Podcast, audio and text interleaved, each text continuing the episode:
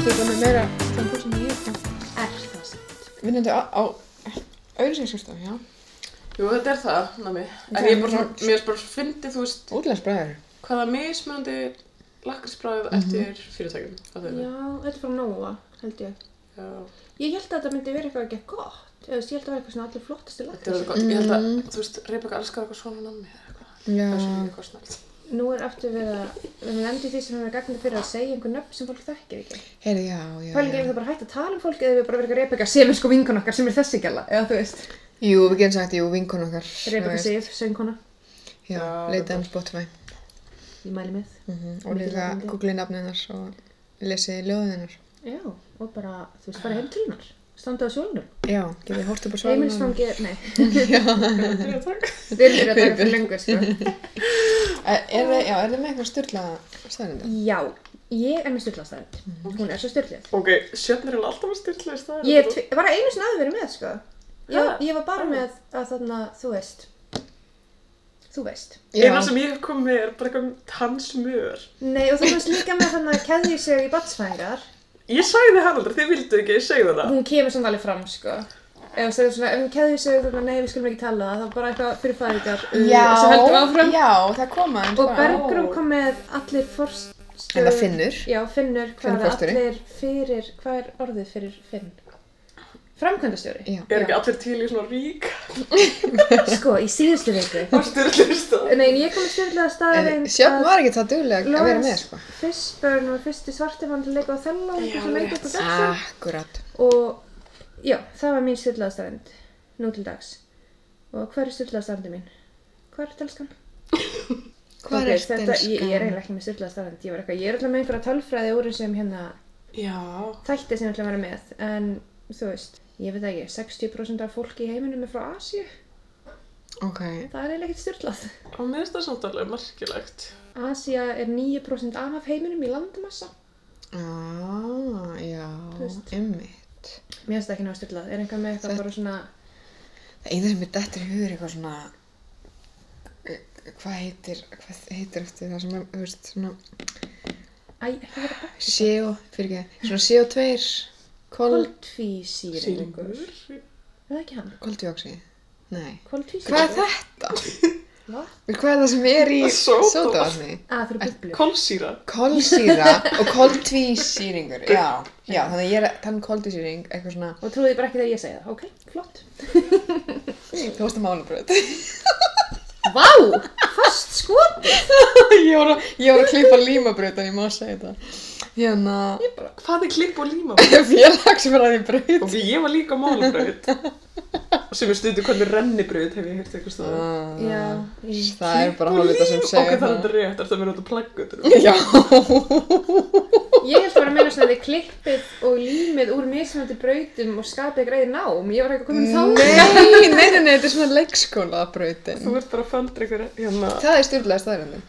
Að Bergrum var að leikskóla braut. Þetta er sem málabraut, já. Ég var, ég var, hún er betri sko, af því þú þarf klálega að vera, já, það skiptir ekki máli. Hvað með bara þeir eru allir Rígur. Við vitum alltaf eina Rígur. brautin sem er slæmi náttúrfræðbraut. Og allir sem voru henni eru fáiðar. Eins og Rebecca vinkur okkar. Á þeim tíma sem hún var á henni var hún sennilega fáviti. Svona við pælum í því. Ok, mann hlýp. Nei, Þú voru- þú voru að klippa þetta út. Ég klippi þetta Hún út. kemur eftir okkur og kæði sig. Þá notum við kæði segjum bara hana. Nei. Herri, ok, þetta verður allt klippt út. Þetta var ljótt. Nei, bara fyrir fæðinguna. Ég veit, þetta var ljótt. Kraftaverk lífs. Ok, þetta er svona Gunnar. ógeðslega staðarind. Ok, við erum ekki búin að segja staðarindina. Við sögum hann að tækla sig í síðustu viku næstu því. Ef við- Kannski Að- hlustaði fólk ekki á hérna barnaþáttin. Það er alveg rétt. Að keðjusög hafa verið fundin upp til þess að Hjálpa við barnsfæðingar. hjálpa við barnsfæðingar eða þeir eru, já. Á hvað hátt? Ég heldur að hafa staðið fyrir aftum konu og gerð svona vzz, vzz og þeir eru svo hrættir að barnið slætað út. Let's go with that ef one. að- Nei, mér finnst mín leið bara flott Ok. og svo hættum við bara þar. Já. Ok, gott. Það er alltaf klassist staðrætt var ekki eitthvað svona víbrator og finnir upp fyrir, þú veist, geðveiki eða eitthvað. Jú, eitthvað svona. að svona víbra fíluna af konum. Það eru hysterískar. Já, já. Ok, moving on. Hvað er hérna topic of the day? Er það eitthvað svona... Já, Morbid, við ætlum, já, morbid og ekki morbid. Það er hérna, við ætlum að henda okkur í byrtingamyndir Asíu. Já. Ok, það er. Það er nefnilega ógeðslega stórt. Það er bara 60% af mannfólki Mhm, heimsins. Og mér fannst þetta skemmtilegt að byrja á að spyrja bara hvað er Asía? Stelpur. Heimsálfa. Rétt. Og viljum sé, svona eitthvað. Já, ég er með réttu svörin. Nei, já, Sorry, bara- heimsálfa. Það er frábært svar. Eitthvað annað? Hvar er hún? Í austri. Austri. Já. Hvar byrjar hún? Hvar endar hún? Hvar er það stórt? Einhver fræg lönd? Ok, hann er alltaf mjög stór. Rosa stór. 9% af heiminum. Það er Vietnam, Kína, Japan, Kóre, ok. Þetta er allt lönd í Asíu. Það er rétt. Já, en svo líka Indland. Afganistan og Rétt. Rússland. Já. Þeir eru með þetta. Þannig við skulum aðeins Við erum örugglega að glemma hérna- ykkur landum Asíkuland. Mjög, glemma mjög mörgum. Ég er náttúrulega ekkert eitthvað að sita einn og láta ykkur telja upp öll lönd í Asíu. Já, svo er það. Indonesi. Við erum það um podcasti byrtingamyndir, þannig að við ætlum að tala um byrtingamyndir þá fólk, á fólki frá Asíu. Mhm. En mér langaði bara smá að byrja á, þú veist, hvað Asía er og af hverju er Asía. Og þú veist, Asía er eitthvað sem tilbúið af evrópsku fólki og hún er og. Og þá er ég að meina fólk sem er ekki hvítt. Þetta meina að vestranir byggu til heimsálfunar, eða? Já. Já, ok. Þú veist að því Eða þú þetta veist, hvar, Nei, hvar endar Asía og byrjar Evrópa? Það er engin landfræðileg skil, þetta er bara eitthvað sem er ákváð. Já, þetta er bara, þú veist, já, ég meina, já. En ég meina kannski settist allir saman og fundi ákvæmt saman, ok, right, Það sorry. væri ekki ekki næst, það bara var mjög veit ekki það. bóða það. En ég hef satt aldrei pælt í þessu, skilur. Nei, það sem að pæla ekki þessu, en af hverju Mm. er, þú veist, Afrika er heilumsála og Ástralía og allt þetta dót. Það er mjög, þú veist, skýrt, skýrt afmarkað út frá sjónum. En eins og Asía og Evrópa, þú veist, það er bara einhvers staðar um með mitt Tyrkland, ertu bara að ég er í Asíu núna. Mhm. Þú veist, af hverju er þetta ekki bara einn heimsála? Menningarlega munur? Ég veit Já, ekki. og það er einmitt svolítið talað um sko að þú veist þetta sé svona cultural construct og þú veist að það Mm. er engin svona þú veist landfræðileg ástæði fyrir því að sé Asia hér og Evrópa hér og svo líka er Asia ógeðslega stór þannig að mikið mismundi landsvæðum Mhm. og dóti meina, Og- Mið-Asja, er náttúrulega, já. Mjög mikið mismöndi líka menning innan Asíu. Og það sem líka staðsendjun á Asia hefur breyst í gegnum tíðina þú veist á miðöldum og fornöldum var Asia annar staðar svo búið að færa hana til Já, ok. En sko Handy. nú til dags þá á samþykja flestir að Asia byrji austan við Súeskurðin. Oh my god, þið er búin að sjá hann skipið sem fast í súaskurðinum. Er skipast í Súeskurðinum? Það er þverar súaskurðin og það eru ógeðslega mörg skip að býða eftir að vera rétt af. Hvaða það gerðist skip er eitthvað. Það var fyrir fréttunum í dag. þetta er magnað að sjá þetta. Ég sko ángríns. Ég, smá, veist, ég vissi hvað súas, ég vissi af súaskurðinum en ég vissi ekki nákvæmlega hvað hann var. Og það er bara núna eitthvað skip bara með fullt af gámum, það er bara flutninga. Bara þverar En verður það ekki flóð? Nei, nei, nei, en það er bara blokkar allt þannig fullt, fullt, fullt, fullt, fullt af skipum, bara Getur ekki, veist, enginn farið að báðum mig við. Þau voru að reyna þetta, ég veit ekki hvort það búið að gerast gerast, eða, Og hvað, það er... það er styrla, Þetta var mjög styrla Ég mæli með að fletta upp þessari frétt, sko. Um, en, fyrirgeðu. Já, ég ætla að segja að Asia, nú til dags eru flestir sammála um að Asia byrji austan við Súeskurði Mhm. og austan við þann Tyrkland hjá Úralfjöllum og Úralanni og síðan sunnar við Kákasusfjöll og hjá Kaspíanhafni og Svarthafni og það er sem skiluða frá Evrópu. Mm -hmm. Nefnum að taka beisli sneið sem veist, fram hjá Afriku, svona kringar Evrópu, svona blúrúrúk Já. og síðan stendur hvergi hvar hann hættir, þú veist, og snertir ekki Ástralíu, en ég held við getum bara séð það á sjónum. Ok. Og Asia skiptist í Norður-Asíu. Hvaða lönd er í Norður-Asíu? Vá, nú er landafræðin, sko. Halló, klipp og líma. Já, Það er mér sem bara svo magnað af því þegar ég var að skoða þetta, það eru mun fleiri en ég held og skipt á hátt sem ég finnst kemur ekki átt óvart, vegna er ég að spurja, þú veist ekki að því ég já. fái þetta. Sko norður, ok, um, þú veist, var það Kína eða Rússland, eða, veist, nei, þú veist, hvað? Næstum, það er Rússland og Sýberja. Rússland og Sýbirja. Svo er Mið-Asía. Það er Kína. Nei, það eru öll löndi sem enda á stan nema Afganistan og Pakistan. Ok, þannig að Kyrkistan, Kurdistan og Já, svona veist. og Kazakstan og allt það. Já. Svo er Vestur-Asía, sem er það sem við kallum oftast Miðausturlönd. Svo er Suður-Asía, ég held ég veit hvað það er. Það er Indland, Pakistan, Afganistan, Nepal, Bhutan, Bangladesh, Maldiveyjar og Sri Lanka. Svo er Austur-Asía, sem er vel þekkt Asía, Japan, Kórea, Kína, Mongolia og Tævan. Og svo Suðaustur-Asía, sem er Indonesia, Thailand, Vietnam, Kambodja, Laos, allir þessi litlu strákar. Sætu. Lill strák. Af hverju strákar? Af því að ég er Karl Remba. og hérna, já, mér spyrir áhverju eins og, ég hef aldrei hér talað um Norður-Asíu áður. Nei, maður er ekkert, mikið að pæla því að Rússland sé Asíu. Æ, ég veit ekki, maður er Nefnilega svona... Sko, Rússland er svo huge. Þegar þú nefnir Asíu, þá náttúrulega hugsa maður mest um þessa Austur-Asíu. Mhm. Eða skilur Og suður kannski. Já, Suður suðustur, kannski já. Og það er smá eftir löndum, eins og í Breitlandi þá er talað um fólk frá Asíu rosa mikið að vera að meina það sem við kallum fólk frá miðausturlöndum. Jú, kannski, ég veit ekki. Já, Nei, það er einmitt að því að þú segir einhversi Asian í bandaríkjunum ertu að tala um venlega austurasíst fólk, kannski suðurasíst, en í Breitlandi þá ertu langast að tala um fólk frá Pakistan. Já, Já, já, ok. af því það eru þeirra. Mhm, Mm Já, þeim er svolítið áhugavert. Svo er enginn að spá í norður og miða Asíu, verðist vera. En eins og ég á frængu frá Kazakstan, ég held bara að Kazakstan væri í Evrópu, þangað til bara svona mjög nýlega. Já. Og mér fannst alveg ekki að skrítið að hún lítur út fyrir að vera, þú veist, austur-asísk í útliti. Þegar ég var þess krakki, ég bara en skrítið, samt er hún á Kazakstan, hvað er í gangi? Þú veist, ég fattaði bara ekki að fólk frá Kazakstan lítur bara svona út, ef það vill, þú veist. Veiki rasisti, nei, samt ándjóks. Akkurat. Þú veist, já, ég held alltaf bara Kazakstan og öll þessi stöðin væri bara í Evrópu og Rússland og allir þessi pakki. Þú getur alveg logið að mér, skilur, þetta er bara hliðin Tyrklandi líka, þú veist. ég er líka sorry, kannski smá hérna Eurovision pælingin, en Rússland er alltaf Eurovision. Er Rússland ekki líka í Evrópu? Jú, líka? hálf, nefnilega. Er það ekki eitthvað svona slapp og ding, eitthvað slæta milli? Já, já. Ég meina Ísrael er Eurovision, þannig er erfitt að... Og það var náttúrulega bara partí, sko. Það svo- er bara eitthvað svona, já. Það var pitti partí af því þeir voru ekki neinu öðru útarpsráði. Grei strákarnir. Já. Og stelpurnar, vá ég er karlarabba. Já, hvað voða Karla hérna, halló. Svona er þetta bara. En segðu, segðu okkur frá. Segðu okkur nú frá. Já, máli er að við ætlum að skoða byrtingamyndir asísks fólks í dærumanningu.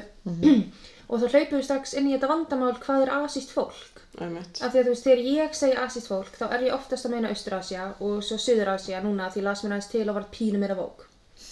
Nei, bara andjóks, það er að sér meina. Og ég er ekki að meina miðausturlönd og ég er definitílega ekki að meina Rússland. Naup. Þannig að þú veist, það er erfitt að ætla að taka byrtingamyndir Asíu af því þú veist, um hvað erum við að tala? Við þurfum Já. að ákveða það. Já. Erum við ekki mest, sorry, þú ert náttúrulega með þáttinn þannig, segð þú. Við þú var samt líka að tala. þá Nei, ég sé bara við eitthvað- þáttinn. Ég, ég myndi halda að við varum að tala mest um Austrasi, af því það, það byrtingamindi þeirra eru bara hræðilegar Já, í gegnum það tíðana. er mjög satt. Og máli er að það er líka smá tókstreita á milli asískra hópa. Að eins og fólk frá Suðaustur-Asju og Suður-Asju er svolítið fúlt út í fólk frá Austur-Asju. Af því það er ljósar á hörund og er oft talið standa nær hvítleika og fær meiri réttindi og virðingu í hvítu samfélagi. Mm. Að það er minna brúnt. Mm. Flott. Æðislegt. Colorism, it's real.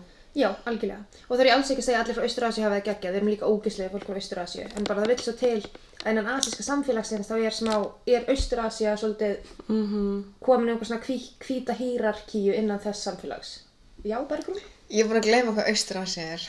Japan, Kína, Kórea, Kórea, Tævan? Ok. Thailand? Japan, sagði Japan. Kína? Mm Þú segir Japan. Er Vietnam þar inni líka? Nei, það er Suður-Asíu. Já. Ok, já. Ég þarf eitthvað kort eða eitthvað sko. Það Ég væri líka að hafa kort. Þetta er Já. ekki þægilegt. En, ok, þannig að málið er að ég, Sjöfn Haugsdóttir, þegar ég tala um Asíu, er ég oftast að tala um Austur-Asíu, Suðaustur-Asíu og Suður-Asíu. Af því ég held ég verið gæti vók að hleypa brúnu asísku fólki inn í orðræðin um Asíu þegar ég fatt að Indland var í Asíu, sem var svo nýlega. Ég er ekki að hvít og verið með dósum í rastar. Let's face it, bitches. Let's face it, Ég er bitches. ekki bara kallremba. Ég er líka rasist.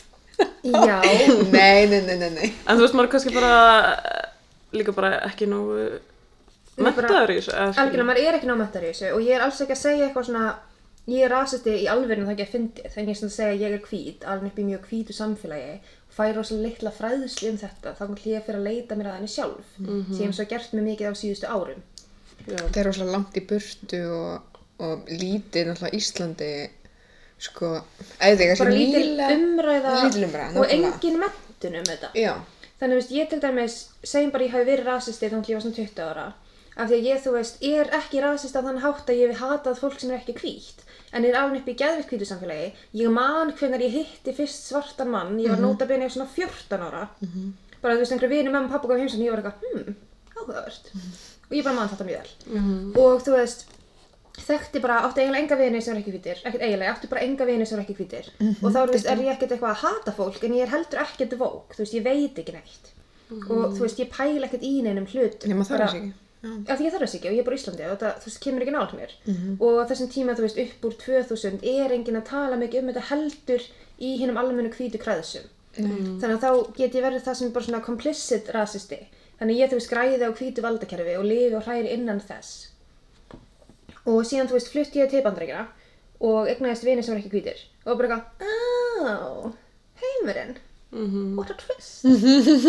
Og síðan þá hefur verið að þú veist bara fræða mig meðvitað um rasisma og sögu hans og allt það. Og það er rosa áhört, mæli með.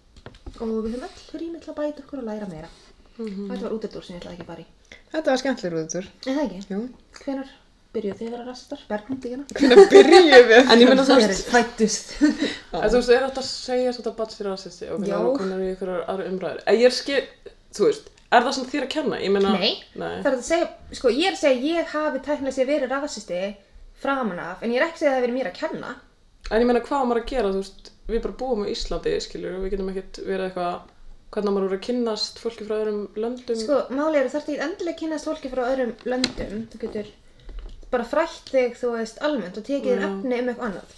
En nú get ég tekið nærtækt dæmi. Uh, Sýsti mín á fjöguböð og yngsta dóttir hennar var bara gæðið mikill rasisti. Hún er núna fimm ára og þú veist, ég er ekki að segja þetta af því hún er svo illa innrætt barn. Það er bara vitsa til, hún er ekki að hvít. Það er ekki bara hvít fólk, það er bara hvíta vini. Og er bara, þú veist, var framan að bara hrætt við kærasta minn að hann er svartur. Hún var bara eitthvað, og hún er ekki feimin. Nei. En bara hann kom og hann eitthvað, uh -oh. Og svo þú veist, var hann að segja hluti eins og ég myndi aldrei vilja kissa strák með brúna húð. Og fótið spánar og var eitthvað, ég vil ekki hætta að vera hvít og falleg. Þegar mammina var eitthvað, orðið að vera brún. Ó, Og þetta er ekki eitthvað sem kent þeim hjá henni, af því þau eru, þú veist, sýsti mín er alveg að skoða, þú veist, antirasist dót mhm, og maður hennar líka. Hinn börnin er ekki svona, þau, þú veist, kærasti minn hefur komið til þeirra þau eru bara, hæ, hvað segiru? Þú veist, þeim drull. Og þetta er ekki nýr kærasti, þannig að hún, þú veist, kynnt svona þegar hún var, þú veist, tveggjara þryggjara eða eitthvað. Mm. Og þú veist, við tókum bara, og þá var þessi hugmyndin, hvað getur maður gert? já. Þú veist, auðvitað er hún ekkert einhver tussa, hún er lítið barn. En þú sýsti mín ákvað í staðan fyrir að vera eitthvað omgat vandræðilegt, omgat hætt þessu, eða omgat skiptir ekki máli, heldur bara að tala um hana, tala um þetta við hana. Já, Og fór að tala um hluti eins og þú veist, hvað er húðlitur? Þú veist, húðlitaður er ekki base-liturinn í litabóksinu. Þú veist, Nei. húðir getur verið alls konar litin. Og þú veist, ég, þegar maður þú veist, hei, við erum allir með melaninn í húðinni og við erum með mismikið af því. Og þú veist, nú skulum við bara skoða eins og Baldur, bróðir hennar, er geggja hvítur, hann er bara geggsær. Hann er ekki með mjög lítið melanin, þá er hann lítið brún. Svo ég er með aðeins meira og svo kveikum við rosa mikið. Þess vegna er við öðruvís á litin. já, mitt. En þannig líka spilar inn í mitt uh, byrtingamyndina sem við sjáum í sjónvarpi. Já, og- Nákvæmlega. og líka hún Já. var ekki að fá neinar byrtingamyndir af neinu nefnum bara allt er hvítt mm -hmm. allar bækur, allt dót, allt það Já, allt efni sem er og þetta er innbyrð sem einmitt eitthvað sem krakki. sýstir mín hefur svo einbytt ræði meira þú veist, taka inn öðru sér efna heimilið og þannig Já. og þannig bara dæmi um, þú veist, badd sem er þú veist, já, ég er að segja um sér rasisti ég er bara að segja þetta í litla frænka mín og þú veist ég og mamma vorum eitthvað, oh my god, mamma er eitthvað, oh my god, baddum mitt er rasisti en þú veist, málega bara, þú veist Já. í þessu samfélagi þá þarf maður, að- að aflæra ákvæmna hluti Já, En maður vill, þú veist maður þarf það ekki, flestir hvítir Íslandingar getur bara haldið áfram að pæla aldrei í þessu og finnast Já. það hafa fínt. eða ég er eitthvað svona, Það ég, þú veist, ég finn alltaf núna að hugsa, ég, ég á vinkunu sem er frá Vietnam og ég veit ekki, við kynnst í fimmtavegg og ég er alltaf þekkti að var eitthvað svona gömul kona sem bjóð hana nálega okkur og hún var alltaf eitthvað elda hana á leiðinu heim úr skólanum og vera eitthvað farðu heimdinn, hana helvitis eitthvað Oj. já þannig ég vissi alveg skilur þetta er slæmt og ég var eitthvað svona þegið þú gamla kona eitthvað Því að þið voru tíu ára, þá var þetta að gerast. Já, þú veist, já, bara við ykkur börn, skilur. gömul kona. Já, Já. eitthvað allavega. En á sama tíma, þá kunni ég samt ekki, þú veist, að því það var bara svona í samfélaginu, kannski ekki þegar ég var 10 ára, kannski voru hann aðeins eldri, kannski 20 ára eitthvað, að þú veist, taka þátt í gríni og djóka í vinkunum minni um aðsakar stereotypur, skilur. Já. Og ég var bara nýlega sandinni afsökunarbeginni vegna þessa. Já. Þannig að þú veist, það er úrslega mikið sem maður fattar ekki, þú veist, ég kannski fattar þarna, heyrðu það er úrslega slæmt að þessi gamla kona er að segja vinkunum minni að fara heim af því hún Já. býr hér og Já, hún, hún má búa hér og hún er Íslendingur. En á sama tíma þá tek ég kannski þátt í ykkur gríni, þú veist, ég man ekkert nákvæmlega hvernig grín, en þú veist, ég bara eitthvað svona djóka eins og þú veist, ok, Þú þarft ekki að segja. Nei, þú veist, eitthvað svona, eitthvað svona dæmi, skilur við, En máli er þarna að þú veist, þetta er bara dæmi um hvað maður getur gert, eins og þú segir, þú ert krakki og við vitum öll að við erum krakkar í kringum 2000 að það er ljótt að hata svart fólk en við vitum ekki að það er líka ljótt að gera grínaði fyrir að vera svart. Þú veist, við höldum að sé bara í góðu gríni. Já, Fattar, eða fyrir að vera asist, eitthvað sem er. við höldum að sé bara að við erum vinkonur og ég er að djóka með með En líka, veist- já. og svo er þetta kannski, veist, eins og vinkunum mín tók hlóa þessu og Já. þá er ég bara, já, þetta er í lægi en það Algjörlega. er ekki í lægi, skilur og það er líka málið sem erum séð núna rosa margar, ég lesi þú veist við til við íslenska konur sem eru þú veist af erlendu bergi brotnar eða brúnar eða Sem er svo skrítið eða eitthvað. líka. ég veit ekki rétt að leiðin til að segja bara brúnar íslenska konur Já. en tala um að þær hafi þú veist hleyið með það sem Já. brendur um að því þú veist þær eru líka í þú veist pínu hvíta valdakerfi og það er líka verið að kenna þeim hvað er lagi þetta sé bara grín og þetta sé bara húmor og svona sé þetta bara og til að vera með þá verður bara að hlæja með af því ég Mhm. vissum að ef þú veist, einhver svört stelpa sem er tíu ára er eitthvað, þetta sko ekki fyndið út af þessu, þá er allir bara, ó, þú getur ekki tekið gríni, nú máttu ekki koma í ammæli mitt. Mhm. Þannig að þú veist, en það góða er að við erum bara að læra og þú veist, það góða er að það má alltaf læra Já, og þú veist, eins og maður er krakki og veit ekki eitthvað og þú veist, eins og þú lærðir af því og baðst hann afsökunar á að tekið þátt í þessu gríni þegar þú vissir ekki betur já, og þú veist, það er svona eina sem maður getur gert af því þú veist, allir hafa gert eitthvað sem er ekki næs og allir hafa gert mistök og gert eitthvað slæmt og sært eitthvað. Og ef það er óvart og maður veit betur og getur beðist afsökunar þá er það bara frábært. Já, og það er líka mér svo gott við heiminn að það má læra og skipta um skoðun. Að þú veist eins og ég er að segja eitthvað svona ég var rasisti, það er bara því ég er svolítið hörð á antirasisma núna þá er ég ekki að meina þú veist ég var með þú veist hagakross framan á mér og þú veist hún klanhettu ég er bara að meina ég var ekki að pæla þessu einhverja að fara að segja brandar um svart fólk það er mér örgulega bara finnst það fyndin. Mhm, þú veist yes Jás. Þetta er ungt að leika sér. En já, það er aftur máli. Við ætlum að tala um Asíu og byrtingamyndir Asíu. Og því ég fattaði bara þegar við varum að byrja á því að Asía er alltaf stór með alltaf margar byrtingamyndir. Ef við myndum til dæmis þurfa að taka einn þátt sem er bara um, þú veist, mið austurlenska byrtingamyndir. Já, Af því að ég til á það. Íslandi, þá skiptum við sér rosa mikið í sundur, þú veist. Þegar við tölum um fólk frá mið austurlendum erum við ekki að tala um fólk frá Asíu, þú veist, það er bara ekki orðræðan sem við notum. En við erum, erum rosa mikið að tala um söður, austur og söðaustur Asíu. Þannig við ætlum bara að halda okkur svolítið þar. Og svo er byrtingamyndir líka svo mismunandi þegar að tala um, þú veist, konur og kalla. já, Þú mér veist, byrtingamyndir asískra kvenna eru mjög ólíkar byrtingamyndum asískra kalla. Sérstaklega við byrjum bara á austur-asískum konum, þá er algeng byrtingamynd og staðalmynd um þær að þær séu, þú veist, vændiskonur og sjúklega lauslátar og algeng byrtingamynd um austur-asíska karlmenn að þeir séu bara svona kynlausir brandarar.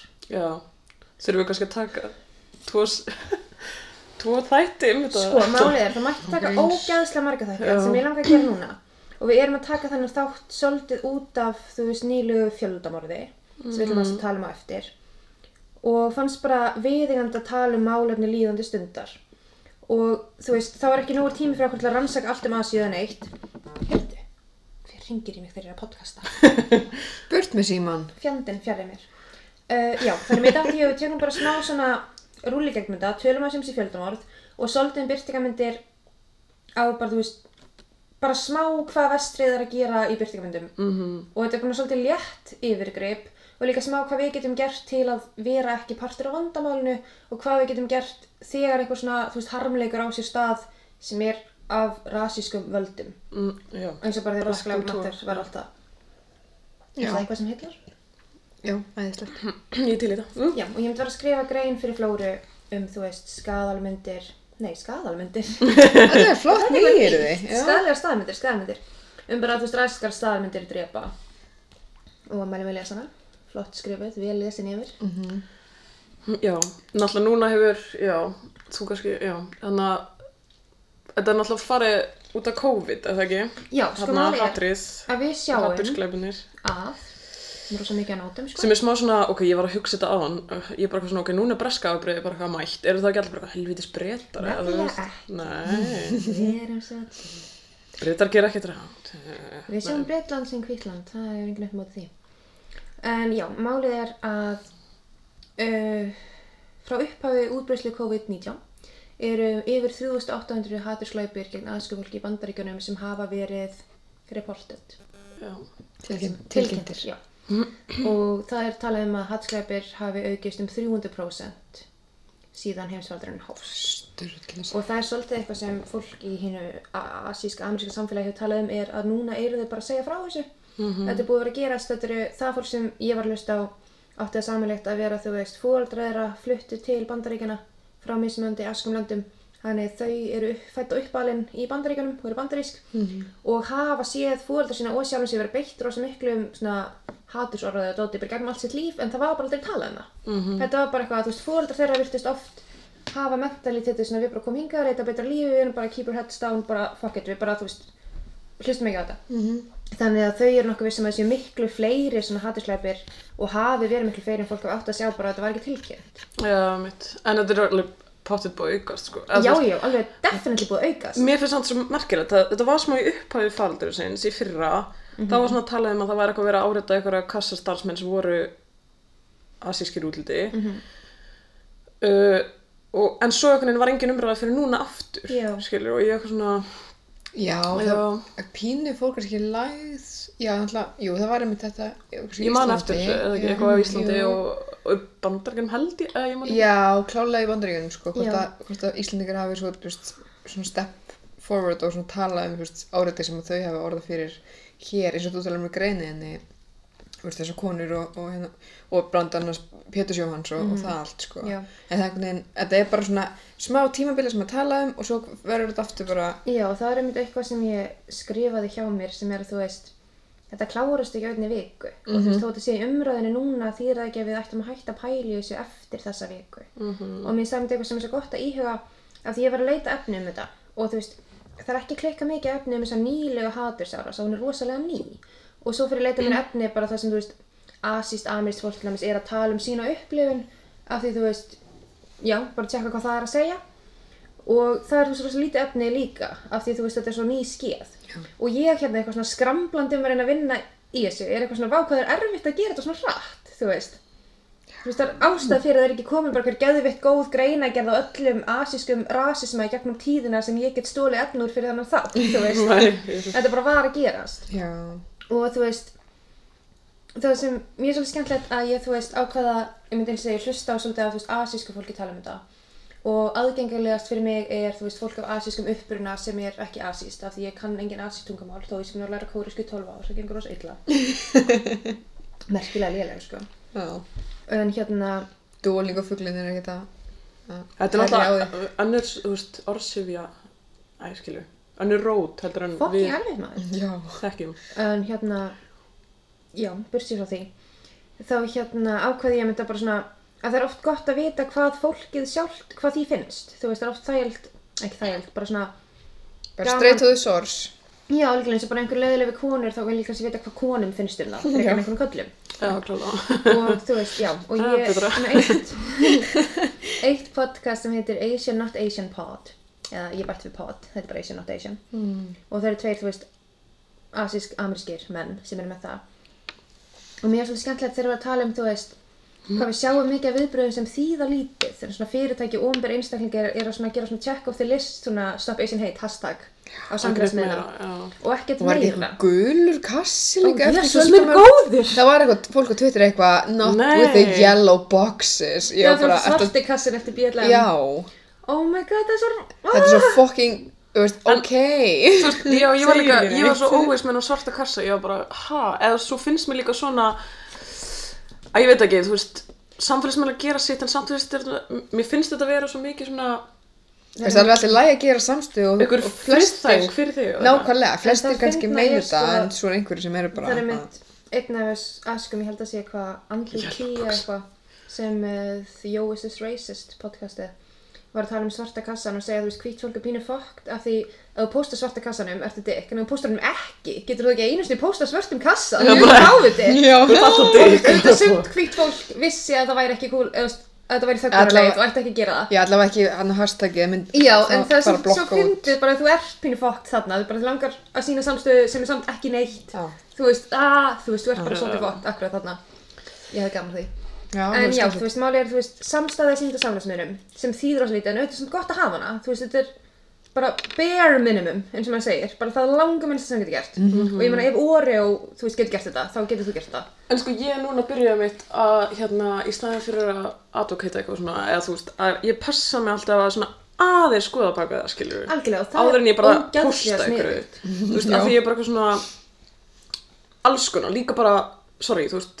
bara að því ég er bara dánstagurinn að fara í mislit og Já, sokka einmitt. þú þú veist, uh, hann blár eitthvað, Einhverju litur. einhverju liturinn, það er vist í lagi á Íslandi en ekki í lagi í bandaríkunum. Ok, ok. Af því að Autism Speaks, eitthvað, Já. blað, það er svo mikið fokk með það. Já. Þannig að það er alls konar svona, maður þarf að sjá, þú veist, frá hverjum kemur þetta, er, er þetta að koma frá fólkinu sjálfu, þú veist. Já, algjörlega. Já, sem er verið að tala fyrir. Já, bara það er einskott einmitt já. sterkur leikur. Ég bara að vita hvaðan, Dóti kemur, sko, að lesa Algjörlega, og ekki líka vera bara svo hrættur við að hlaupa í samstöðan að hugsa. Það er eins og segja, þetta er að minnsta sem getur gert. Ef þú getur ekki einu sinni tjekkað hvort guli kassin sé tæpur, þá ertu, getur alveg slepptu sig, þá ertu ekki að gera neitt. Þú veist, það ertu bara að vera eitthvað hvað, ég ekki rásustu. Þú veist, hlæm ekki með það. Já, frábært.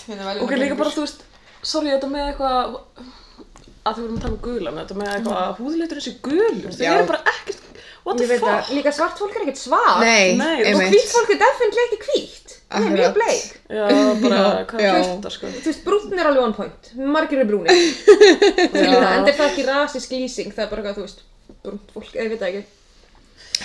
Já, þetta hvað er, er er eins og líka þegar þú veist Power Rangers 1980 þá voru veist hvíti Power Rangers og bleika Power Rangers og bláa Power Rangers og svo voru fokkin svartur og gulur og þeir voru leiknar af svörtum gaur og askri konu Já. og henni voru leiknar af hvítum þetta var bara Yellow Ranger var asísk kona og Black Ranger var svartur maður Og ég bara, og henni voru bara Pink Ranger hvít gæla það er svo fólk hafa verið bara eitthvað, ég kann ekki nema að setja gult Þetta er og- er asísk. allar svartar Eitthvað. ofurhetjur eru Black eitthvað þú veist Black Panther, Panther. Þú veist, það er aldrei eitthvað White Superman eða eitthvað þú veist White Nei, Spider-Man true. Og þó að Black. Panther sé ókslega, þú veist, það voru ókslega flott að þessu mynd kom út og loksist, þýlur, all black cast og Algjörlega. í ykkur ofriði Geggjuð mynd, en samt bara eitthvað, ég veit ekki, hvernig var þetta gert, Black Panther, þú veist, myndasöðunar.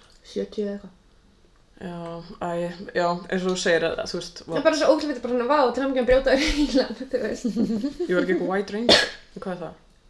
Sorry. Er það ekki Er það Power Rangers Power bara? Það er White Ranger, Black Ranger. Já, ok, sorry, já. Og já, White Ranger var vissilega hvítur, en svo bleiki og blái voru líka hvítur. Þannig að, þú veist, Basic Ranger var hvítur. Þetta var gaman. Og bleiki var líka stelpa. Og hún er vannstelpa. Nei, ég veit það ekki. Ég held alltaf að vera stelpa, já. En kannski held ég það bara því bleikur, Ég held það alltaf líka. pæli ég að sem lita hérna sálfræði með þér. Þetta er alveg verið rosalegt. Áhugavert. En já, svo mjög áhugavert, af því já, ég er basically að stela bara, stela ekki stela. Ég er að láta, bara sjá hvað amerísk-asíska samfélaginu finnst um lífið og tilveruna og þessa árás. Já. og mér var svolítið áhugavert að þú veist fólki sem er þetta podcast þau voru að segja að þú veist Asian not Asian. já, Asian not Asian, þau eru öll asísk og voru að tala um þú veist að það er svo mikil þú veist fólk er að hvetja fólk til að tjekka á fólki Já.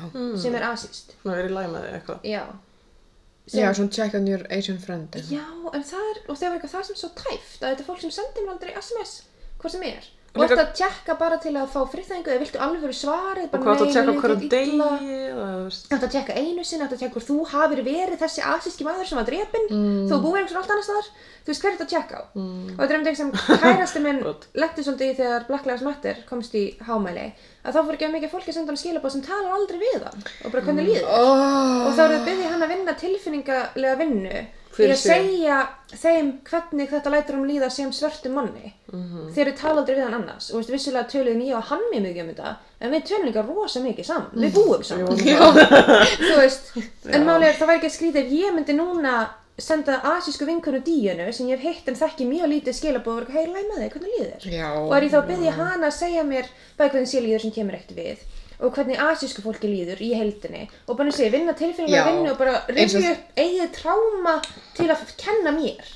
Mér finnst það líka vera svolítið svona, þú veist, þegar Black Lives Matter var að það var allir eitthvað svona að posta mynda sig með svörtu vinu sín. Var fólki alveg að gera það? Er, er ég ruglulega? Var það bara ég og kærast minn postmiðum okkur? Við gerum eitthvað. Ah. Það getur svona alveg verið, sko, ég er ekkert hissa ef fólk var eitthvað, sjáu hvað Eitthvað svona, ég er sé- ekki rasist af því að vinn sem er, já, ég veit það ekki. Ég vona innilega ekki, en, Orðlaus. En Ég er í sjokki. já, og Ég það er, get mig ekki. Og Ég getur vissi vísin það í er æði. eitthvað. Já, ég það var að virkja Þetta er að horfa. Oh my god, Ok, sorry. stelpur, ég komst það í dag hver Bad Baby er. Hæ? Það er Já. eitthvað tónlistamæður. Já, það er 17 ára tónlistakona frá bandaríkjurum sem var fyrst fræðig eftir að hann var í Dr. Phil. What? Já, Er það hún? já, nefnilega. Ok, innskot, ég veit hvað það er. Já, ég var get impressed. Er það ekki Ekki- gæla sem ekki enn að kefni að það? Ó, er hún orðin Hún rappur er bad núna? baby. Og. Phil sendi hann í svona misþyrmingabúðir fyrir úlinga því hún var óþekkt þegar hún var 13 ára. Heyrt um svona, þú veist eins og Paris Hilton var sendi, svona þú veist, Já, svona var kidnapped. Startle Them Straight dæmi. Draugur? Nei. Já, draugur yfir hefðinni. Dæmi sem er til þar sem fóreldreinir ráða fólk til að mannræna þér um miðjanótt, fara með þig í middle of nowhere, Já, þar sem einmitt. þú ert bara barið niður til anskotans, bara með sálfræðilegum tortjúr, Ok, Dr. Phil er alltaf bara til eitthvað, að hætta að vera. Psycho. þá þarf eitthvað að hand og taka þú veist eins og í Já. þessum búðum þú veist, þessi bad baby var að tala um að þú veist þetta snýrast alltaf um að þú veist leifa þeim ekki að fá eitthvað eða svona taka hluti frá þeim mm. því þau voru gett spoiled en þau voru að taka hluti sem þau þurfa eins og svefn að geta sest niður, What að the borða að vera hlýtt þú veist, þetta er bara, Bara herbúðir, þetta er bara ofbeldisbúðir, basically Já. og það er eitthvað smá kraftan á þessu núna en þú veist, ég hafði þetta til og ég stolt af því Já, hann er ok. ok, Það er svona dóksleitt koncept. já, hann er óslamæður og hann er ekkert alvöru doktor, Nákvæmlega. hann er bara Mr. Phil Hann er bara Phil. Nei, ok. Philip hérna En já, þetta var margir þessum. Ég veit það, en þetta er smá þannig þáttur stundum stúra mig bara út. Við þurfum líka smá svona til að létta. Já, Já, og líka eins og segi, ég var að Það þarf ekkert að rannsaka, sig umræði.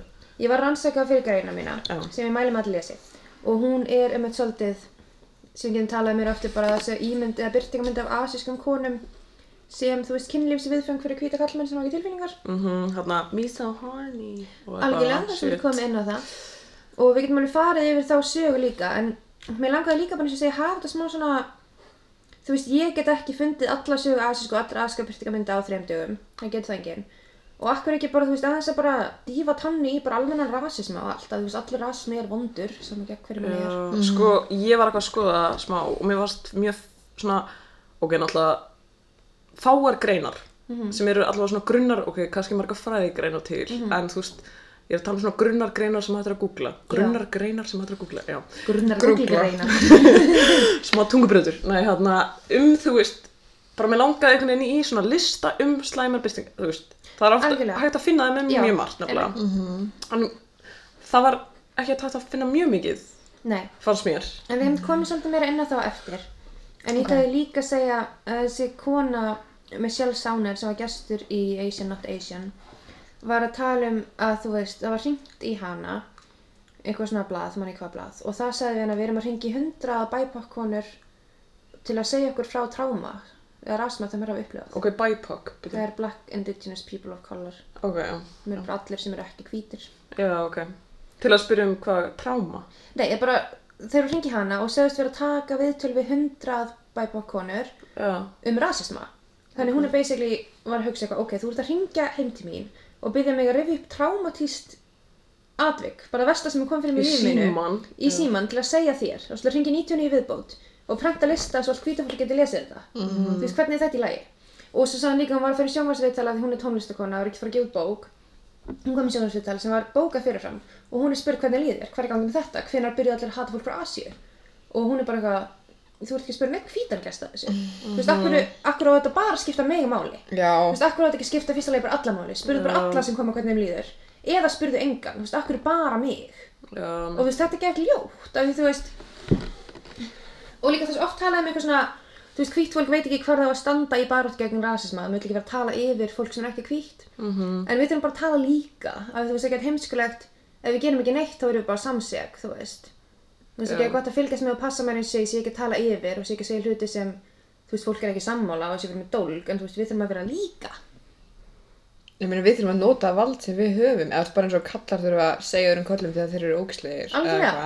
bara, mm. veist, hvít fólk þarf bara að segja öðru fólki þegar hvít fólk það, þú veist, öðru hvítu fólki að hætta að tala svona Já. eða hegða sér einhvern hátt eða og þú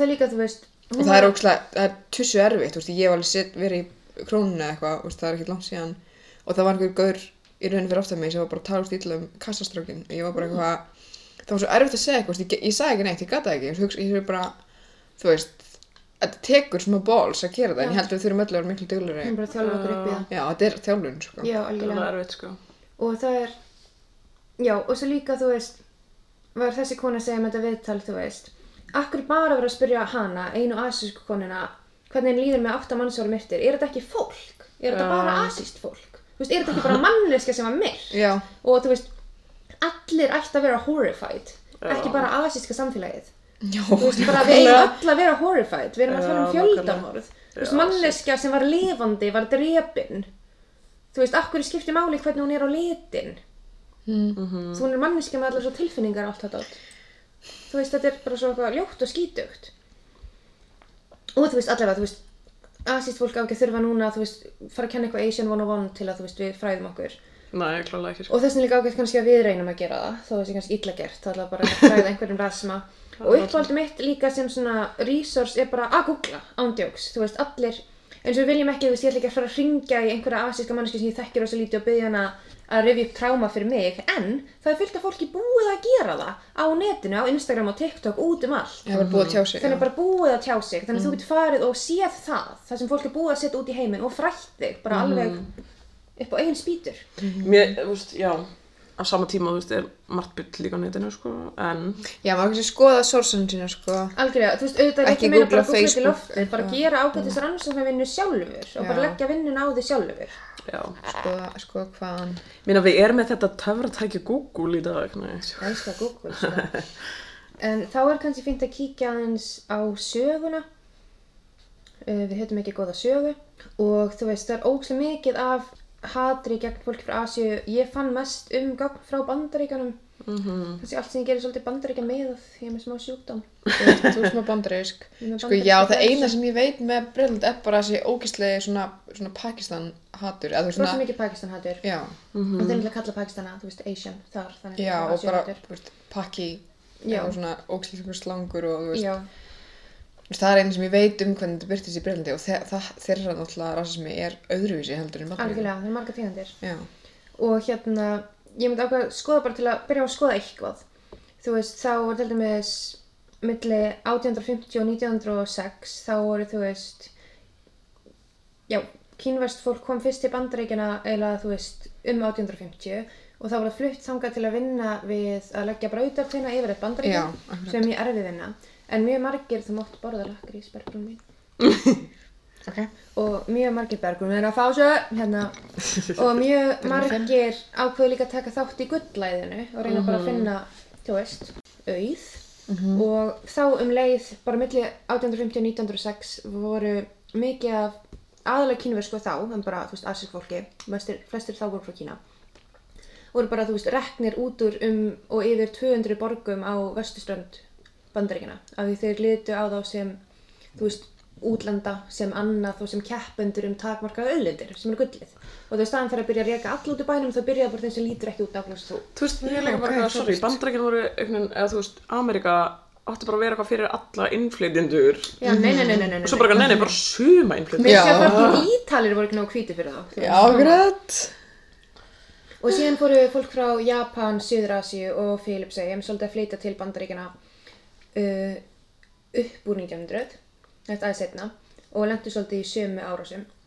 Og oft þegar það hefur verið svona, þú veist, svolítið svona menningaleg krísa í bandaríkjanum, þá, þú veist, poppar ofbeldið upp meira. Eins og bara núna er, þú veist, COVID, þá kemur ofbeldið já. hleypandi. Og það er eins og maður sem heitir Vincent Chin, þekkið Vincent Chin? Nei. Nei, Hann var sem 27 ára kynverska amerísku maður sem var lamin til dauða 1982 oh shit. af því að, í Michigan, af því að þeir sem ríðast á hann held að hann var japanskur og Japan var að takast á bandaríkin um, þú veist, framlegst á bílum. Framlæsla bílum. Framlegst á bílum, Michigan er alltaf bílafylki, sko, allir sem voru í Michigan, þú veist, Já. fengu viðversita því að framlega bíla, þannig að sáu austur aðskarmann, ákveðin frá Japan Já. og ákveð að drepa. Þetta er smá svona núna, bara allir eru frá Kína, allir eru frá Allir eru Wuhan. frá Kína, sko, algjörlega. Og blóst það að væri frá Búhan, þú veist, það er ekki Og líka segjum að Vincent Chin hefði verið frá Japan. Hann persónlega var ekki eins og að vinna í bílaðinaði. Nei. Eða í Japan. Og hann var líka bandarísku. Ég veit Og þó hann væri að vinna í bílaðinni, þá er hann ekkert rétt ræpur. Já, ég það, er sama hvað. Þannig er aldrei rétt ræpur en þú veist, finnið allavega betri ástæðu. Og þú veist, svona er ákveðin svona skrítin mýta í bandaríkjum að því uh, asískir amerikanar eru það sem kallast model minority hjá þeim. Mhm. Og þá er þú veist, Mikið menta já, einmitt. Þetta Ég hef er einmitt heyrt basically- þessa stereotypu sem er skadaleg. Já, og það er að þeir séu gett þögglir, duglegir að vinna, óstakar í starffræði, mm. -hmm. bara svona vinnuvélar sem ekki að læra að hafa ekki persónuleika. Góður að læra eða góður í íþróttum eða Ekki svona hljóð... ó, ok. já, hljóðfæri. Hljóðfæri. mikið. Og þá er þetta svolítið lítið á það sem, að það var sko, eftir að það var hérna, eitthvað, ef þú ert ekki góður í því, þá bara... Já, þá, eða þú veist, fólki finnst það bara skrítið og já þú það er ert mjög bara... skadlegt að því fólk er alltaf talverð gott í því. Og það er önnur tegund af skaðsemi, til dæmis 1871 var hérna Chinese Massacre í bandarækjunum. Mhm.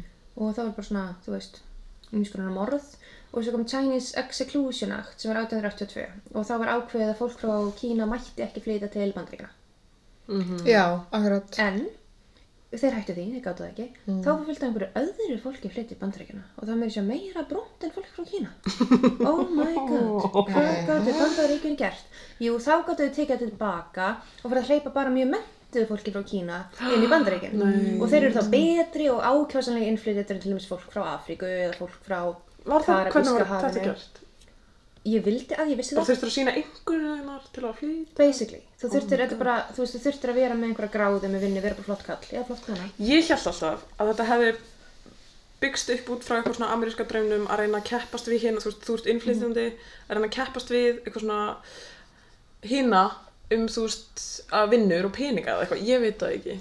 Partur af þessu það, sko. Já. En það líka, sko, fyrst var hérna einn rasísk metafóri sem fundin upp í kringum kínverska fjöldamorðið í Los Angeles og áður um Chinese Ex- Exclusion Act var tekin upp. Það var það sem var kallað The Yellow Peril eða gula ógnin. Og þá sem þetta leit fólk á austuræst fólk sem bara hræðilega ógn við vestlið og það var bara í gula ógnin mun koma og bara þú veist taka yfir okkur öll. Og bara allir bara nóðlur eða? Allir að borða pening ég veit ekki hvað þeir voru hrættir Eða Hvað- hvað er Eða, þeir með ekki vera ofgáðar, bara svona nægilega gáðar til að, ég veit það ekki, Nei, sko málið er þeir meira verið eða skáður en vilja því þeir eru ekki með persónuleika eða tippi samkvæmt stereotypinu oh my god, já. og þetta er sem sagt þessi Yellow Peril hérna kemur úr bók sem heitir The Rising Tide of Color Against White World Supremacy frá 1920 Ok. gamla því þannig já, er sem sagt The rising world of color against white supremacy. White World Supremacy Rising Já, World of og Color. svo hérna eftir þessa guðlu ógn og það var bannað að vera kynverskur í bandaríkunum mm. máttu fara að vera kynverskur aftur ef varstu réttu tegund af kynversku aðila. Og þú náttúrulega sem austur asískur aðili ertu nær hvítum lit en brúnum en brúna fólkið. Þannig að þeir rétt eins og við lefðum ítölum að vera hvítir þegar við sáum brúna fólkin í Ítali þá var austuræsku fólki leifta næstum því að vera hvít en ekki alveg Já. Á þessum tíma. Þú vilt frekar fá þá heldur en guðminn góður einhvern frá Afríku. Krossin okkur þetta. Þannig að það var leift. Og það búið þetta, þú veist, model minority sem er líka skadalegt af því, já, þetta er óslega staðalmyndir, maður sér bara góður í starffræði. Og það voru rosa mikið af krökkum sem verið af asískum uppruna sem fengi ekki hjálp í skóla, að það var bara, þú ert asískur, þú kannt þetta allt. Mér- Ég ætla að skjóta inn í, að því ég á eftir að hlusta á podcastið, en Brownsplain, minnum að það heitir, sem ég sendi á þig, þær eru, ég var sko stóri hjá þeim, þær eru örugglega að fara að taka fyrir þessa skælega stereotypi sínu podcasti. Ok, Hvað var það sérstaklega svona neurodivergent fólk? Að þau, þau, hérna, þau voru að gera svona smá könnun í stóri sem ég sá, að þú veist, hérna, það er minna að tala um það að fólk af asískum uppruna sé til dæmis með einhverfu eða l- Já. lær svona námsörðurleika eða. Ah, nákvæmlega og það er ekki tala um þetta og þú veist, það er bara svona, veist, og ef þú ert með námsörðurleika þá er það svona smá bara eitthvað brushed off af því þú ert model minority og það er eitthvað svona, Nefnilega. já, ógeðslega áhugavert Og máli er, sumir myndi kalla þetta jákvæða staðalmynd, en engin staðalmynd er jákvæð, af því þá er verið að setja þig eitthvað mát og ekki líta þig sem manneski, þú getur bara ákveða eitthvað fyrir þig. já, Já, jákvæði mitt. Og þú veist það er bara líða að staðalmynd geti verið jákvæð, basically, allavega þegar það er um minni hluta hóp, þú Já. veist. En máli er, eftir þetta, ég er svo mikið hósta, ég get ekki tekið náttúrulega. það er ég, COVID Eftir hérna, en það er alltaf ógeðslega oft í kveikmyndum, eitthvað svona asíski vinurinn og hann er alltaf gett gáfaður eða eitthvað. og það er hérna, Og alltaf lúði. Greið. Eða karlki. já, nákvæmlega hún getur ekki náða sér í konu. Það er um ég líka eins og kóriskan kærasta og fólki fannst það bara hilarious. Fólki fannst það bara fyndið. Áttur kóreskan kærast Já. það? Ó, Og fólki fannst það bara fyndið. Þau eru byrst í San Francisco. Nei, Nei. fólk var kórið við það. En þú veist, sín. ándjóks, fólk var bara svona lól og ég var eitthvað Af því að það var ekki nóg kallmannlegur eitthvað. Nei, Eða hvað? mér var ekki gefur en ástæð það var Nei. það fyndið að ég hafi átt asískan kærasta. Það er ógeð. Ást, ég næ ekki að luta hana. Af hverju Nei. er það fyndið? það er bara þessi, það er eitthvað fyndið En ég meina núna er náttúrulega, þú veist, ok, en að BTS. S Já, BTS, my man. Ok, nú hljóma ég fókið gömul. Nei, já, BTS. Þú veist, og það er samt að eitthvað samþygt að finnast þér gett sætir og eitthvað sem byttu fyrir. Sko, samþýtt og ekki En samt ekki samþykkt, einhvern Nei, veginn. já, Já. nei, nei, nei. Þeir eru ég alltaf held sko að mig finnst þér sætir að maður ekki vilja ríða þeim Já, nú er ég bara að giska en ég ætla að já, það getur verið eins og meira má, kannski finnst það eitthvað svo krútlegir að vera eitthvað svona, nú mætti ekki vera skotinni með langa, þú veist. Sko, ég er ógslag ánægð að vinkurinn mín til dæmis, hérna, benti mér, eða ítti mér út í að horfa á þætti frá Tævan. já, Og það var gæðið skemmtilegt, af því það var þetta eru sábjófur.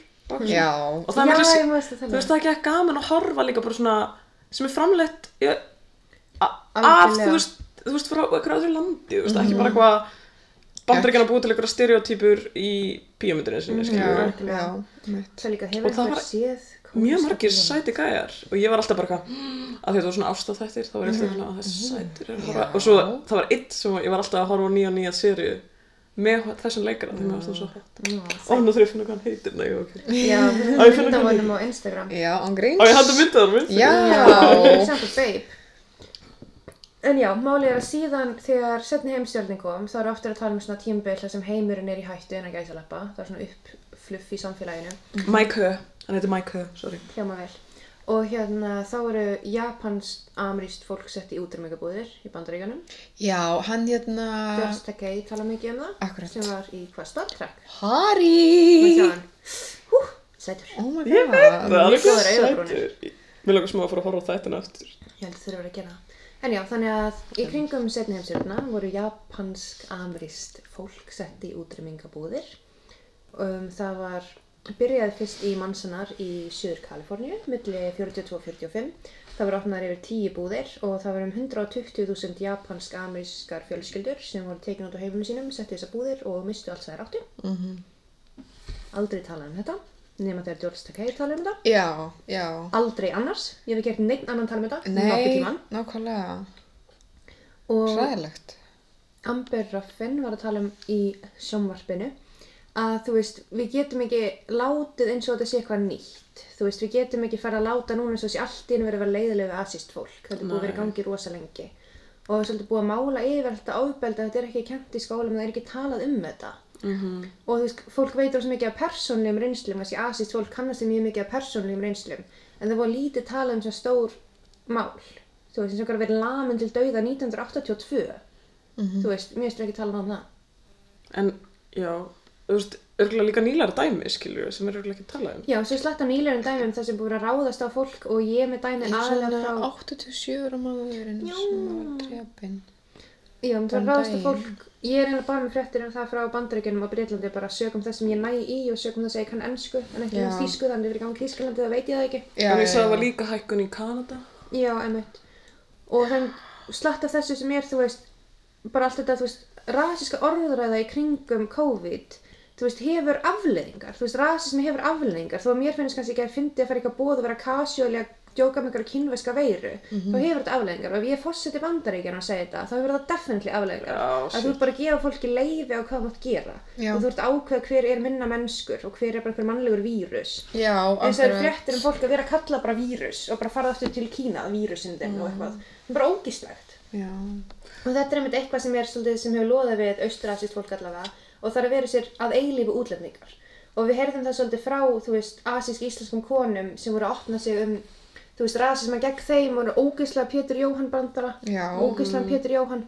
Að þú veist, þær eru eilífu útlendingar. Saman hvað er tala fullkomna íslensku og hafa alltaf búið hérna og heita Guðrún Ólafsdóttir þá eru þær alltaf annað og útlendingar og stereotypur og staðalmyndir. Og um leið og þær, þú veist, eru kortir í kynþroska þá breytist þetta úr einhverju hrísgrunandjóki í einhver ríðudjók sem eru ekkert fyndin þetta er bara gæðið síðlust og það er bara, við erum að ákveða þú veist, að asist fólk sé bara minna mennst virðist vera. Mhm. þú veist, að því hvað erum við að gera hérna? og það er mitt ein malasísk kínversk kona frá Breitlandi sem heitir Alex Smith sem var að tala um að hún hefur, þú veist, eitt eftir lífi sínu að vera, þú veist, gerð að staðalmynd. Þú veist, að hún er alin upp og fætt í Bretlandi. Og þú veist, henni er sagt að hún hefur verið góð í starffræði og að einhver kennari sagði bara þú ert að vera góð í þess að þú ert asísk Já. og vera kallið, þú veist, kawaii á dating apps sem er bæði við japanska Oh my god. Því sæt. eh, Já, og það er japanska, hún er frá Malaysia og Kína og vera kallið mail order bride Új, að jésús. fólki sem hún er að deyta Já. og vera, þú veist, kynferðislega áreitt þegar hún er að jamma af því hún á að vera undirgefin af því hún er kynversk og vera síðan sagt af svartri manneski að hún eigi ekki að vera kvarta af því hún er model minority þannig að það kemur úr öllum áttum Já, já, já. Og þú veist, Þannig að hún hafaði gott af því hann er mótelmann, já. Já, þannig að hún er að segja að þú veist, það er alltaf kallað með kafa og það kemur einhver frá öðru minnilhættu og bara eitthvað, þú hefur samt ekkert kvart yfir. Af því að hvíta fólkið, þú ert uppáhald skældýr þeirra þú veist, þú ert hrættur sem færi verið í húsinu. Já. að vera makriðin, nei, sorry. Já, ég veit, þetta, er gott, þetta er gott, hérna, góð. Já, og hún er með skrifar í þessar grein að hún hef ekkert verið hissað til einhver öskraði króna á hana í lestinni að hún bara, "Hm, þú veist, hvað kemur næst, eitthvað annar þriðdagur. Já, hún bara, hvað kemur næst, sannlega ofbeldi og þá kíkja á að sex konur á æskum uppruna voru myrtar í Atlanta 16. mars og vitið þið af hverju þær voru myrtar í Atlanta 16. mars? Sko, hann sagði það var að því að þær eru svona kynfyrslega freistandi fyrir hann, er það ekki? Já, af því hann var kynlífsvíkil Já. hann sagði bara að hann gerði þetta af því hann er kynlífsvíkil Var það ekkert á COVID? Nei, Nei, það var nefnilega, hann sagði, hann tók, sko, tekið fram held ég, að það var ekki kynlífsvíkil. rasíst induced, en auðvitað er það það, Já, skilja, það hann, var sem það tekið fram, þetta var ekki ræðsika árás af því hann draf, réðst á þrjár heilsulindir sem asískar konur eiga af því hann er með kynlífsvík. Þannig er hann búin að búa til í huganum asísk kona útkoma vændiskona sem er að reyna að ríða mér. Þannig væntalega er þetta ógeðslega mikill rasismi. Já. vænt. þetta er eins og þú veist, ég veit ekki hvað, ég, þú veist. Díana fyrir að drepa kæra sem henni ef hún hattar körfubolta. Já, Þú veist, þá er hún búin að hoppa á milli svolítið góðir í mikið. Já, því kærastinn spurður ekki eins og hverju. Nei, nei, nei, nei. Veit ekki eins og körfubolta lítur út. En þú veist, þetta er sami dæmi. Akkurat, já, já, þetta er ógíslegt, sko. Þetta er geðveit ógislegt og mér bara líka svo ógislegt að þú veist fjölmiðlar og fólk er að segja að þetta var ekki hatursleipur að hann er bara með kynlífsvík. Já, og átið eitthvað upp. að segja það að því hann sagði það. Mér er alveg sama Bara hvað af hann hverju segja. fær hann að hafa eitthvað ógislega fucking- munninum sínum. Já, af hverju fann hann að hafa eitthvað say in this, skilur? Já. Sorry. Alltaf bara spurt, eitthvað svona já. Af hverju varst ekki þetta? Þessin er og lifandi í dag, segist eiga, þú veist, hafa átt vondan dag þýðir það að allt hvítt fólk er einum vondum degi frá því að fremja fjöldamorð. Þú veist, ég var óslega oft vondan dag. En Það er er verst sem ég gert að borða ekki mikið nammi. Mm, aldrei um þú að fara að drepa eitthvað, sko. Já, erum við einum vondum degi frá því að fremja rasísk fjöldamorð? Ég vona innilega ekki. Og líka hafið séð hana gaur. Nei, já, Nei, jú, mér langaði ekki að sjá hann, bara því að rannsaka þetta. Og ef einhver hefur nokkuð tíma litið út fyrir að hafa framið fjöldamorð því bandar ekki. Er það var það sem það er. Oh my god, hann er bara, þú stereotýpa það sem við töluðum í karlmennsku þættinum Incel. Ok. Ég er bara auðvitað þetta andlitað er ógeðið. Nei, já, svona andjús. Ah. Og líka, þú veist, hengjum hann upp, svona lítur hriðiverka maður út í dag. Það er einhver hvítur maður með vafasamt. Ég skil ekki, er bara allir fjölmæður að fá að tala við hann og vera eitthvað, já, hver var pælingi þín, eitthvað, ég veit það ekki. Já, hvað segir varstu graður? Hversu graður? En maður er eitthvað, þið eru fjölmiðil, þið eigið að segja frá eins og er. Og s- spyrja spurninga. Þú veist, ekki, svo- eh, alltaf að spyrja hann spurninga, en Nei, menn, ég spyrja, af hverju segir hann þetta? Er ekki Já. eitthvað Og líka mál? spyrja, af hverju gerður þetta? Ég er kynlífsvíkil. Af hverju gerður þetta? Ég er kynlífsvíkil. Þið bara svara sem annar hátt. Af hverju beitir kynlífs, lætur kynlífsvíkil drepa fylgta fólki, þú veist? Já, Af hverju drepa alls konur? Jésús Ólafsson.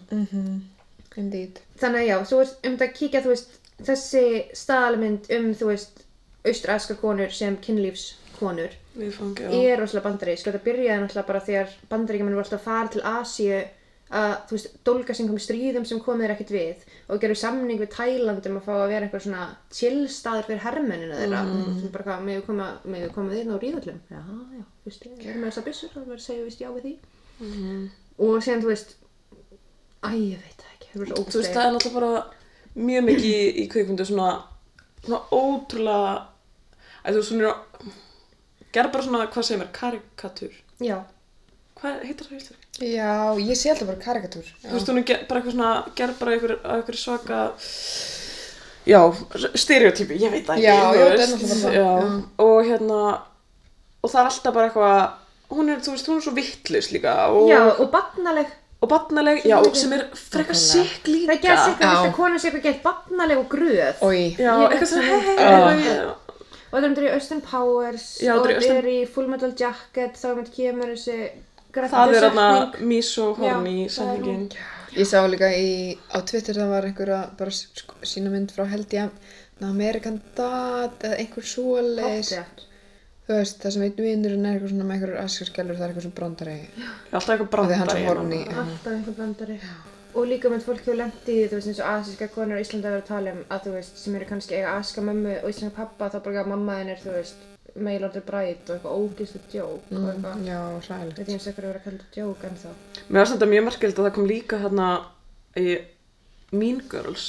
Já, já, já. Einu asíski kartin alltaf að sofa hjá hérna... Já, og það er líka, hún er að sofa hjá fullorðni manni, hún er úlingur og það er ekki sínt sem einhver nöðgun, það er bara sínt sem hún sé ekki graður úlingur.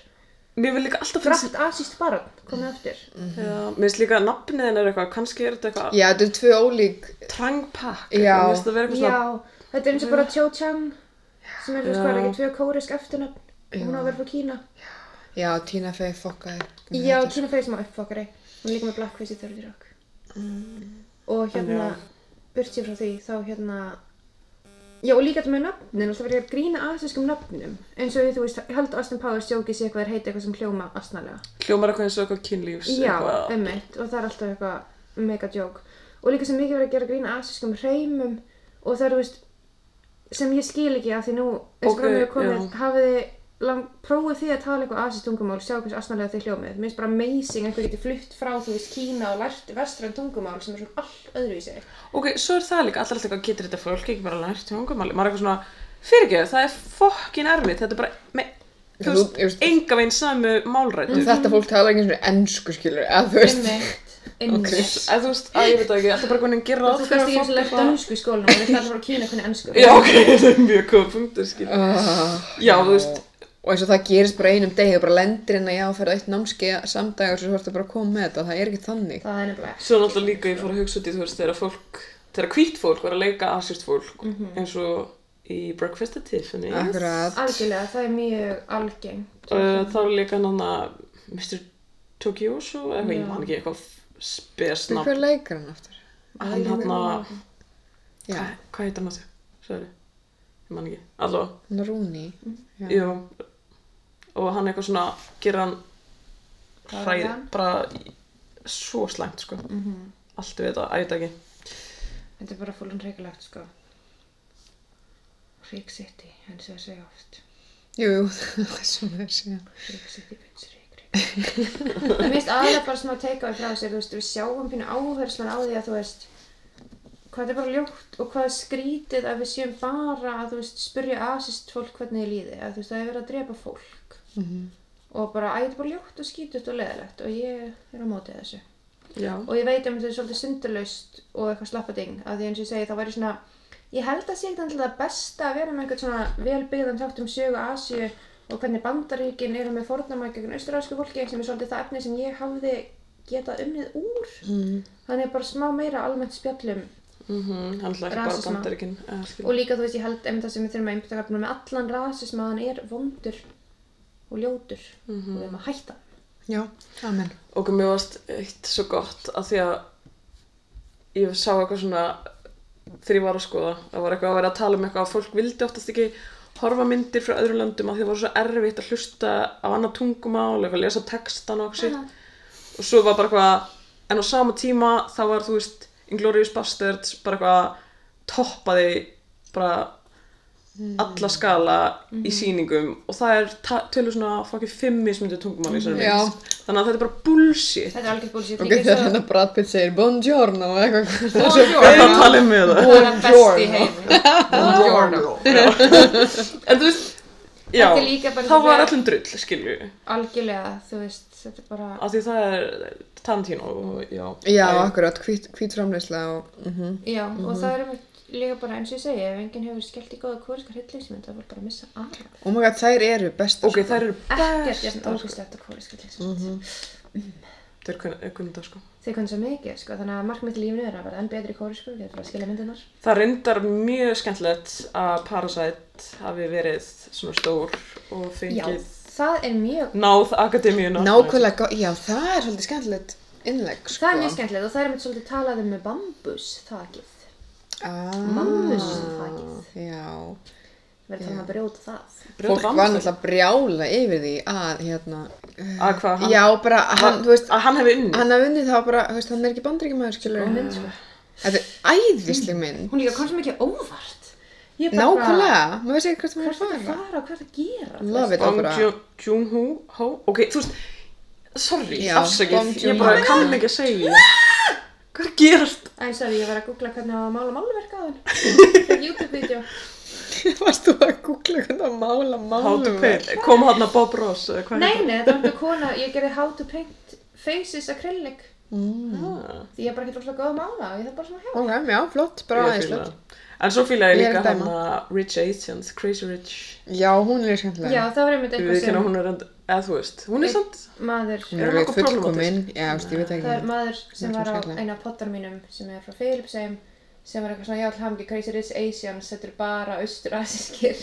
En samt er þetta Asians. Já, nákvæmlega, Og hann það var, er. ég er alls ekki að segja að þetta sé slæmt út af því, ég er bara að segja finnst áhugavert sjónarhótt, hann er, þú veist, hvenær má brúna asíska fólki koma að vera með. já, Og þá smá eins og auðmikið að þessi Alex Smith sem er eitthvað, það er allir að kalla mig Kawai og allir eitthvað fokkaður model minority, þú veist, og ég er gæðilega bara að fara að tanna baka. Sko, hérna, ég var að lesa grein, hvort það var í Guardian eitthvað, um, þú veist, hvað núna, það er aðeins að vera svona meira accepted að, þú veist, asískir kallar séu sexy. Það er bara rétt verið að leifa um að vera sexy. Já, sko. og það var að tala um Henry, ég held að þetta er Henry Golding, Golding, sem er Chris Rich Isins, sem er amazingly beautiful, Hann er mjög sætur. svo fokkin sætur, Það og svo er er- einhver boksari og einhver annar sem ég, kannast ekkert við þau, sko, en hérna, Hvað það er mitt, þannig að Crazy Ex-Girlfriend, byrjaði sem 2015-16 og það er mitt aðal, þú veist, romantíska já, hennar viðfangið, já, er asískur maður og það er mitt voru bara, wow, what is this? mhm, groundbreaking, Þetta var skrambreyting Já. sem er mjög sorglega Já. 2015 og bara, ó,